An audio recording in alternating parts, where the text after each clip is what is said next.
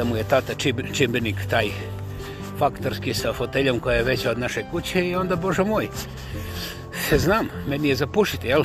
Ne, ne smije se pušiti, to je štetno za zdravlje. Dobro, vrati se mali sutra iz škole, e, krvari. Kaže, oto, pa jebeš kad, znaš, ja kad sam išao u školu, znaš, dešavalo se svašta i ovaj, i trta i mrta, razumiješ, ne može to tek tako, znaš, škola mora da se plati. I onda nakon nekog vremena pojavi se susjed Pero. Nemojte pitati koji Pero. Dovoljno da znate da je susjed. I kaže mome tati, pa jeste da su ovi djeci roditelji čimbenici, čimbenični faktori, faktorski. I ovaj, mislim, imam i u fotelju već od tvoje kuće. Međutim, tvoje djete je, koliko se ja razumijem, tvoje i ovoga, teško ga je fotokopirati, naime, ovaj, ta sprava još nije ovaj, instalirana.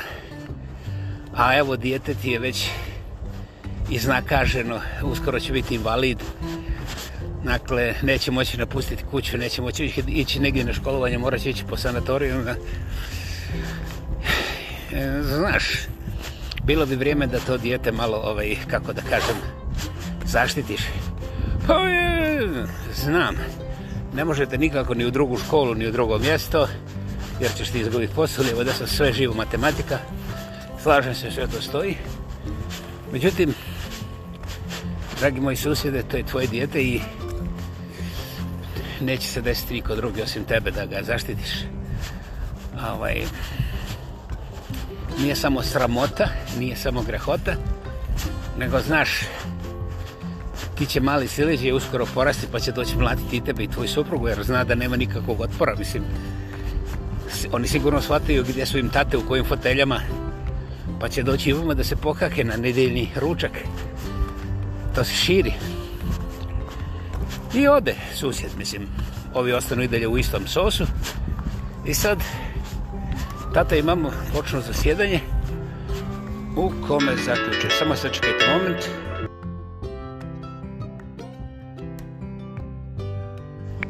um, Dakle, kao što vidite, napada i sa svih strana. Upoznavaju se sa mnom bez, bez moje volje. Ovo ja govorim o ovome podcastu, snimanju podcasta, kod da su čuli, ko se nakim šali. I sada, ovi roditelji od toga djeteta koje je već, hello, koje je već premlačeno više puta i gotovo uništeno, sada oni već vide da ne mogu to ignorirati. I dođe im drugi susjed i kaže, znate šta? Vrlo je opasno djeci dati, na primjer, vatreno oružje, recimo pištolje, razumiješ, to je sve nezakonito. Ili, recimo, ne do Bog mitraljeza, to djete ne može da ponese. Nuklearne bombe ne možete poniti nivi, dakle, to je preskupo. Međutim, zin, ja imam sportski predlog. Evo vam ove ovdje, aluminijumske, a u stvari to su jače nego da su titanijumske ove palice za bejsbol. I one nisu nimalo bezbolne, ali jesu za bejsbol. Dakle, nisu oružje i vaš sin može da ih po nogama jele, ovako osvijesti od tambura i da se oslobodi toga, naš. I ovaj, naravno dođu detalji, upoznavanje i objašnjavanje sve tehnike, tehnologije i prijedlozi i roditelji ovoga pretučenog djeteta kažu hm, pf, pf, znaš, ovdje se ne može desiti slučajni metak da nekoga ubije, ali brate, ako ih pogodi u koljenu sa ovim sa ovom štapinom, razumiješ, aluminijumskom, to neće biti bez bola i ovaj, ovi će nukšiti lekciju. I tako urade. Dođe mali kući prvi put nakon dvije godine i smije se i sretan. Sam sretan, ne može, ne može otac vjerovati. Kaže, samo sam ih hresnuo po koljenima. Svi su popadali, ja sam se prošetao, sad sam heroj u školi. Sutra će mi sigurno dati i Nobelovu nagradu jer sam, eto, odbranio cijelu školu od ovih tih bulija, razumiješ, koji svakoga maltretiraju i tako dalje. Otac, malo poslušao kako je njegov sin oduševljen s tim što je kresnuo dvojicu po koljenima i odmah ih oborio. Naravno sa metalnom bejsbol palicom koja nije bezbolna, to ste vi znali. Ali eto morao sam i ja reći da, sam, da ne ispadne da sam zaboravio. I sad otac pravi računajku. Pazi ovako. On je dvojicu klepio, oni su pali dolje. I ovi ostali su mogli da skoče na njega, ali ga niko nije dirnuo. I on se vratio kući sav radostan i presretan pun sebe jer najzad može da se brani. Hm. To je odlično. Međutim, on vidi njegova žena zabrnuta, bježi i on je sači kad izađe iz kupatila nakon dva sata neke teške tišine i kaže, pa što evo naš mali odrasto, evo se. Vidiš kako može da vrati ovim bulima, razumiješ i da ih vrati u njihov kanal da poštuju elementarne norme i bla bla bla, trušće štruće i tako dalje. Kaže, evo cijelu školu je on odbranio od te gamadi koja ide okolo samo i tuči ljude. I ovaj, tek nakon večere mati pozove oca u sobu i kaže, pazi ovako, mi smo zaštitili kao cijelu školu od dvojice, trojice nasilnika. Ne znam kako se toga nismo sjetili u dvije godine dok je naš mali bio na sve načine premlaćivan. Tu mi nešto neštimo. Što se sad, da se oni razumiju klin klinom i te stvari, razumiješ, sad je sve rješeno. Kaže na njemu, tu ništa nije rješeno, oni dvojicu kresnu po nogama, to je iznenađenje, oni će njega tek sada namlaviti. Ma kaže, slušaj, ti, ti, ti, ti žena uvijek izmišlja da lijevo desno. Razumiješ, zašto dišaš prašinu kad je već sleglo se, ajde. I ona nije imala druge, međutim, sutradan zovu iz školske bolnice. Pretpostavite, mali je bio ono, ne utučen, ne pretučen, nego, vrate, umjesan, pa razmiješan, pa onda jedva u jednom komadu stigo na hitnu pomoć. Uglavnom, kako je vrijeme išlo, jeli, njemu je trebalo mjesec dana da se oporavi da bi mogu doći na u školu. Njemu, otac, Ćušne, Pištoljčić, ovaj, ispod glave, ispod jastuka, jedno mali kad se ujutro stigo. Znaš, kaže, to je za tebe. Puni je, jel znaš kako se radi s njim? Kaže, ne znam, ali evo ti imaš pet minuta pre njeno što me voziš u školu, pokaži mi. Du, du, du, du, du, u garaži dole. I oni u garaži opale dva metka, umalo ih jedan rikošetom ne strefe između rogova, ali nije. I kaže, spusti si 100% sad spreman, samo ga izvodiš, oni će pobići.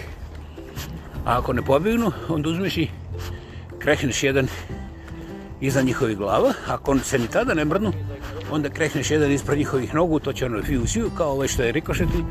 Oni će se ukenjati i pobjeći. Kažem ovdje, bravo stari, ti si genija. Mati jadna pobjegla, ne rečuje ništa, jer koliko se god borila sa svojim gosnim mužem, nije uspjela da mu objasni ništa. Očigodno da je on turbo muška pamet, a to je ona muška pamet, mislim, koja je nepromjenjiva. U svim agregatnim stanjima jede gota, mislim, pravi svinjarije i širi, brate, širi plamen. Zašto ne? Mislim, da ne ispadne da smo derperi. Razumiješ, mislim, važan je rat, važno je da se prodaju ovi bejsbol badovi, razne da se prodaju pišteljčići, jer i te razno razne stvari. Pa stićemo i do nuklearnih bombe kad razvijemo dosta novca. Evo, biznis je biznis. Uglavnom, mali ode sa spištelj napunjen u školu. Šta se desilo u nastavku? Ja vam ne mogu govoriti jer ima ovaj neki zakon koji kaže da djeca ispod 14 godina ne mogu biti raspravljena u javnim medijskim prostorima, a ovo što ja radim ovdje, ovaj podcast, potpuno definiran sa tim i javno i medijski prisutan okolo planete, pa onda mogu bih ja da se pravim blentom, pa da govorim o detaljima, međutim, nećem. Ja ću ponoviti ono što ima jedan dobar dio. Uglavnom, demokrati neće nikad povjerovati da je ovo rješenje sa peštalčićem koji je napunjen samo sa 8 metaka, pa onda, znaš, onda je došao drug, pa onda, da je to u stvari pogodilo gore od pandemije, ne samo jednu, ne samo dvije familije, nego uh, puno toga o čemu nije zgodno pričati ako niste demokrata sa foteljom većom od moje kuće.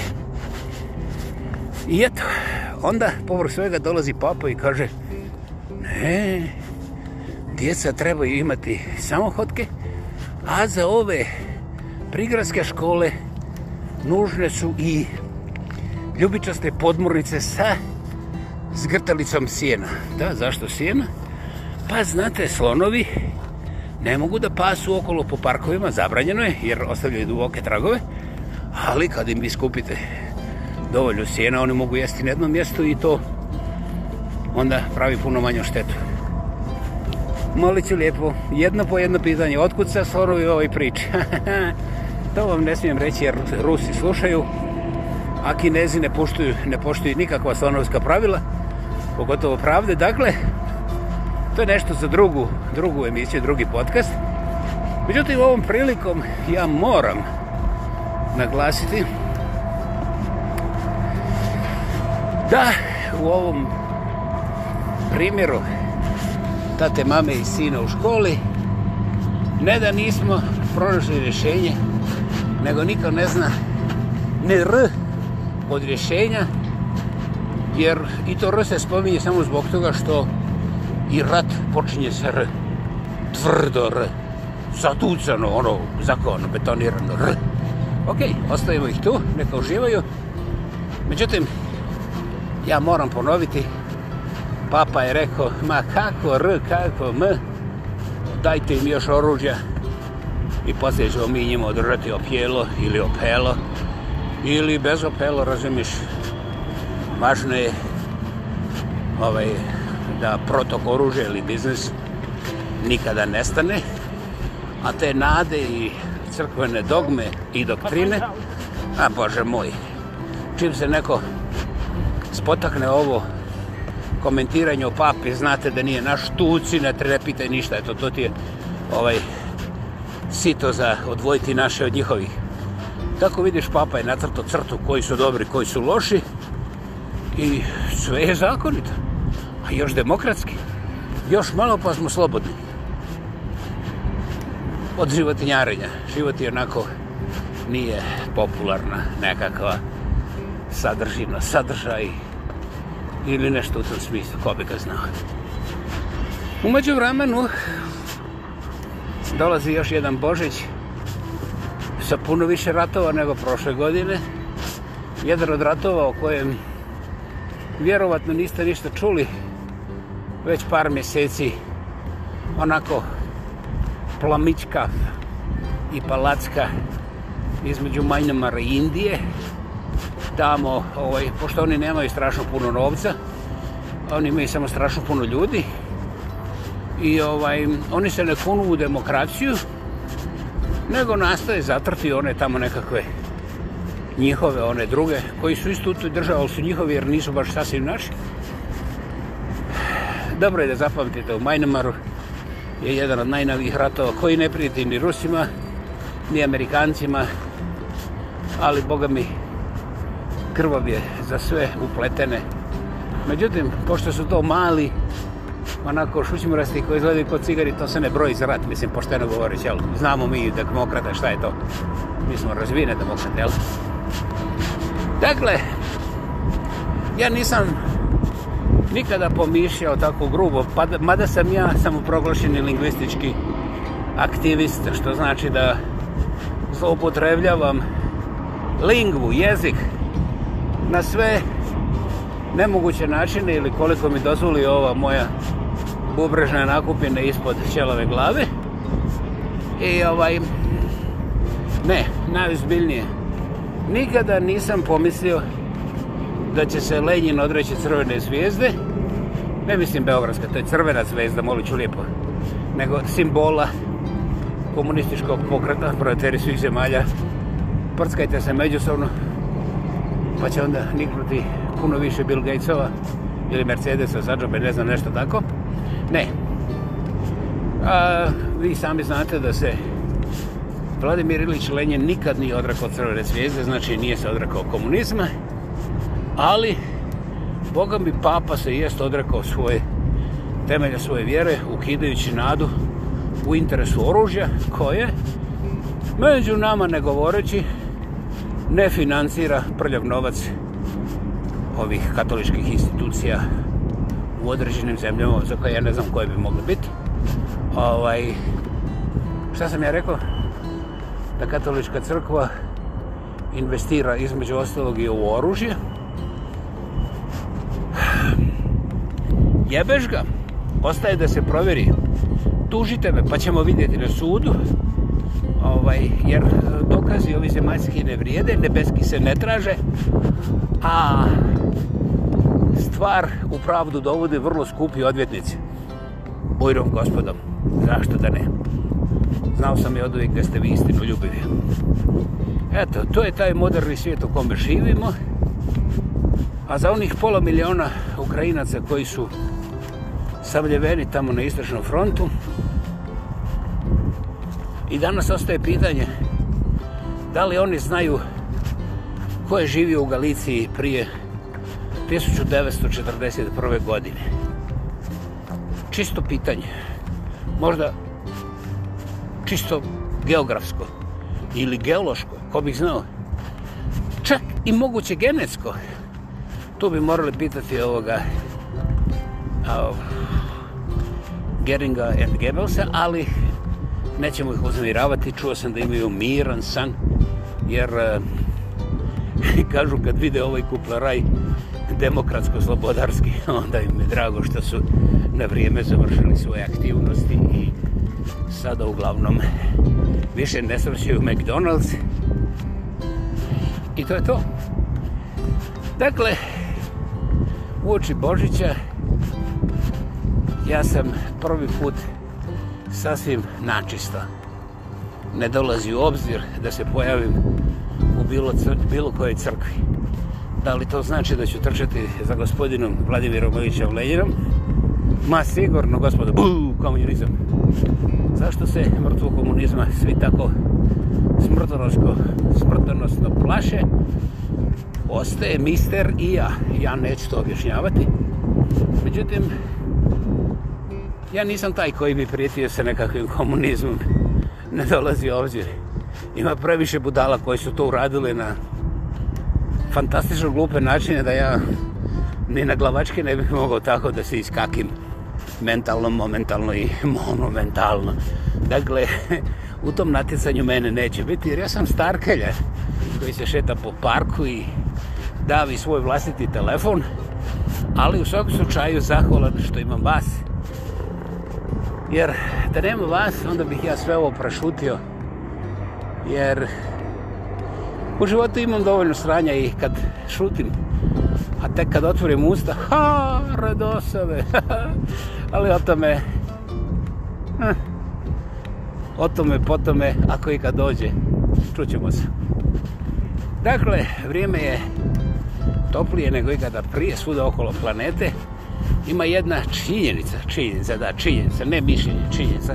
Ja neću navoditi ono doslovce stotine istraživanja o fertilitetu globalne populacije. Znači, o natalitetima i fertilitetima cijele ove planete. Znači, ne jedne države, nego... Nja. Yeah cijele balote ne, ove nebeske. Jeste nebeska zemlja i nebeska sila. dakle, u zadnjih 50 godina, vrlo vjerovatno 70, ali ovo zadnjih 50 godina je nepobitno zahvaljujući nevjerovatnoj dokumentaciji koju ja neću spominjati. Ako vas zanima, možete lako pronaći i sami. Gdje? Koju god hoćete instituciju koja se bavi problemima fertiliteta, naravno, nemojte počinjati od političkih partija i državnih parlamenta. Znate, to vam je otprilike kao da počinjete priču o Čibusu odlaskom na orgije kod Drakule. Nekako nije stvar što možda nije baš najbolje odabir, nego ima problem. Niti će vas ko slušati, niti ćete vi takvo trabuljanje preživjeti. To je taj zahebani detaljčić o kojem ne morate voditi računu ako vas ne zanima, samo umeđu vremenu, ako nećete da slušate, ja vam kažem, s Bogom, tek da se zna da pa tamo nisam poslao ja, otišli ste sami. Ovo je prvi put u mom životu da ja ne pomišljam da ode na polnučku za Božeć, prvi put u mom životu, u vrijeme najcrnijeg crvenog komunizma u bivšoj Jugoslaviji. Ja sam odlazio tamo, veselio se s ljudima, imao fritul, imao koju čašicu prošeka. Međutim, otkad je papa sahranio suštinu smisla same dogme. da li dogme ima smisla? Nemojte mene u sve priče. Imate nekog drugog koji vjerovatno čito malo više od naslovne stranice. Ja više nisam ni blizu institucionalne religije. Nisam nikada bio neki oltaroljubac, ali nisam nikada bio pljuvač crkve. Nisam nisam da pljuvač, nego jednostavno kažem s Bogom čurć. Jer ako šutite dok papa zadavljuje nadu i nudi više oružja, dok mladost i budućnost cijelog jednog naroda biva zatrta, sad između ostalog sam da vam kažem, više oružja proizvodi više žrtava, ako niste znali. A druga stvar, bez obzira koliko koga ko ubije, na kraju se opet mora razgovarati o miru i uvjetima mira. Dakle, nikad se nije desilo da jedni obi, ubiju ove druge sasvim i onda, znaš, žive sretno jer su jednolični svi. To se nikad nije desilo. Ima tu razlog, nećemo o tome pričati. Međutim, ako imamo situaciju da se mir mora postići pregovorima, onda svaki onaj koji pumpa oružje je u stvari trgovac dušama, izmučenim dušama i uništenim tijelima i budućnostima nerođenih, posebno nerođenih, jer tih pola miliona mladića su vjerovatno imali barem 100.000 djevojaka koje su željele da s njima zasnuju dom i da rode barem jedno djete. Dakle, mi ne znamo koliko je ostalo nerođene djece, ali znamo kako dolivati oružje. Gospodin je papa, na sramotu ti i crkva i vjera. S Bogom za uvijek i vjeruj mi, meni je draže kod gospodila Mengelaja Menge nego kod tebe jer sa Mengom nemam nikakvi sumnji šta će mi uraditi. A ti? Ti si uvijek i od uvijek bio prijetvoran kao povijest cijele crkve i uvijek se se priklanjao jačima. Ovoj put si promašio i jače i slabije. I pogodio si sebe. Zauvijek si otišao u crnilo, ništavilo i nepostojanje. Vjernici koji te i dalje slijepo seduju, će biti zavijeni u generacijsko proklestvo koje je mojim riječima neopisivo, a mojom dušom i mozgom definitivno nezamislivo. Međutim, odabir je vaš, ne zaboravite, ja nijednim momentom nisam spomenuo bilo kakvu kontru svetoj i nedodirljivoj slobodi i demokraciji. Ne gospoda imaju šime da tresu i ovamo i onamo. Nijedna smrt nije zadovoljenje za njih, dok svi nemaju apsolutno jednoobrazno mišljenje. Usa demokracija, usa sloboda, sve drugo je terorizam. Gospodo, ja u tome kosmosu ne postojim. A vi budite ponosni jer ste demokrata i slobodni. I to je to.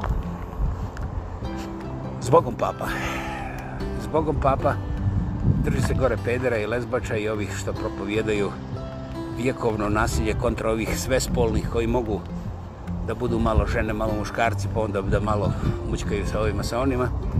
Znate, Neron je bio jedan fini, fini čovac koji je tek tu i tamo na orgije dovodio ponekog magarca.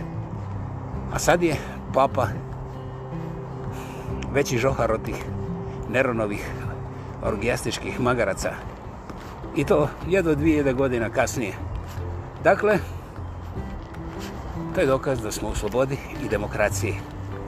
Da li sam ja mogao biti grđi od ovoga? Pravo pitanje je bilo da li sam u ovakvim okolnostima uopšte mogao biti ovako smiren, staložen i suzdržan. Jer ne postoji džubar koji bi mogao da pomenem verbalno koji se ne bi perfektno prihvatio situacije u kojoj, eto, i sam papa napušta temeljnu doktrinu i religije i crkve. Nada, ne zaboravite, nada je sahranjena sa papinim pozivom na oružje. Ne smeta mi što reciklira novac koji mu je doniran od razno raznih usputračeno. Mnoge od njih nisu legalne ni slučajno. Ali eto, izgleda da im je potrebno dodatna prodaja pred Božići i onda papa gura oružje. Zbogom papa, idi na tržište, gura je oružje, eno u Majnomaru će uskoro trebati. Joj. Znate, ne pada mi na pamet da se ispričavam, ali osjećam se lakše što sam rekao ovo što sam rekao. Kao i uvijek prijem. 43. nastavku naše četvrte sezone. Bila je to Slama sa vama. Govorio, disao i razdisivao je ovaj ovdje prisutni. Ja pa ja, samoproglašeni lingvistički aktivista, monumentalno autentični. Ja, ja, ja pa ja, a ko bi drugi? Vladimir Krećo sa legendarnih i prelijepih stinovitih planeta. Hvala vam.